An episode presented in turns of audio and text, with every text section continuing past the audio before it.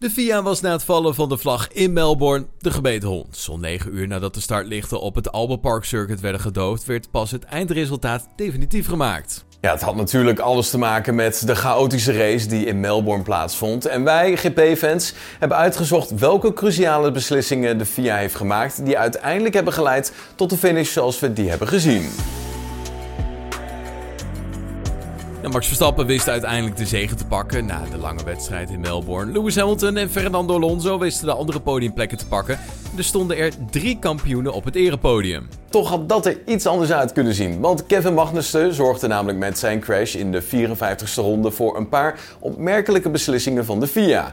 De Internationale Autosportbond koos er namelijk voor om, na de schuiven van de Deen, de tweede rode vlaggensituatie in te lassen, omdat er in hun ogen te veel puin op de baan lag.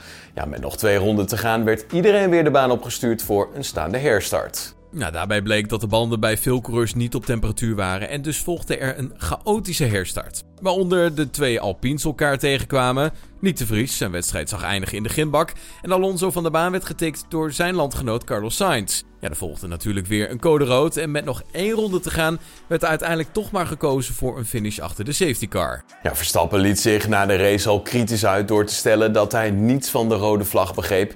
En dat de VIA deze problemen eigenlijk zelf heeft gecreëerd. Hij had liever een safety car situatie gezien en achter een rollende start op dat moment als misschien wel betere optie. Ja, het hele weekend hadden de coureurs namelijk al moeite om de banden op temperatuur te krijgen. En ook Alonso, hij had ook vraagtekens over de vele rode vlaggen situaties en zei het volgende. De FIA heeft nu eenmaal meer informatie dan dat wij hebben, maar we gaan in Baku nog maar eens vragen wat de reden voor die rode vlaggen waren.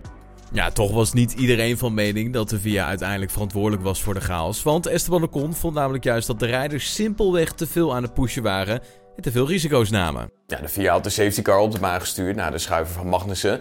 Maar nadat bleek dat er toch best wel veel onderdelen op de baan lagen, werd dit verhoogd naar een rode vlag.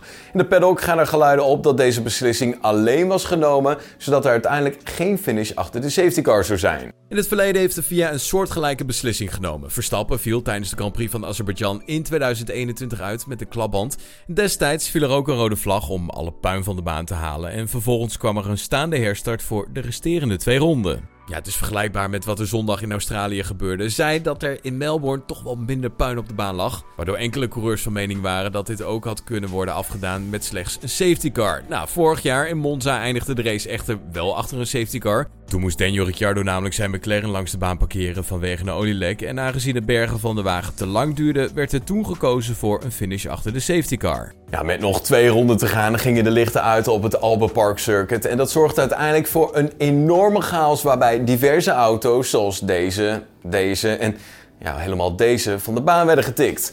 Nou, vervolgens viel er weer de rode vlag en toen kwam de vraag op ja, wat nou precies de bedoeling is voor dat ene laatste rondje. De startvolgorde moest nog worden bepaald en daar hadden enkele teams toch wel een beetje verschillende ideeën bij. Dat is niet heel gek, want ja, Nico Hulkenberg lag in één keer op de vierde plek. Verstappen had als leider van de wedstrijd nog niet de eerste sector gehaald.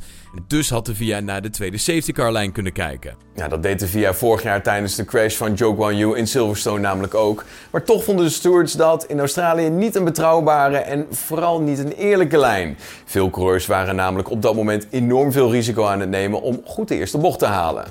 Uiteindelijk sloeg de VIA de tweede safety car lijn in de wind en eh, koos ervoor om terug te gaan naar de startopstelling van de ronde ervoor. En daar waren niet heel veel coureurs blij mee. Ja, nou Carlos Sainz was zeker niet blij. Hij kreeg namelijk een 5 seconden straf voor toucheren van Alonso en viel dus helemaal terug van 5 naar de twaalfde plek. Er waren dus duidelijke winnaars en toch ook wel duidelijke verliezers door de beslissing van de VIA. Het was voor het team van Haas dan ook reden genoeg om een officieel protest in te dienen, waarbij het team uiteindelijk geen gelijk kreeg. Maar goed, er waren ook nog wel meerdere teams die baat hadden bij een mogelijke verandering van de einduitslag. Maar het was uiteindelijk het team van Haas die alleen naar de VIA stapte. Alfa Romeo had ook nog wat kunnen winnen, maar een trackside engineer van het team vertelde dat alles grondig was gecontroleerd en dat het team tot de conclusie was gekomen dat het allemaal correct was. Ja, de FIA wees uiteindelijk een protest van Haas af omdat de Autosportbond simpelweg gewoon niet verplicht is om de tweede safety car lijn als uitgangspositie te nemen.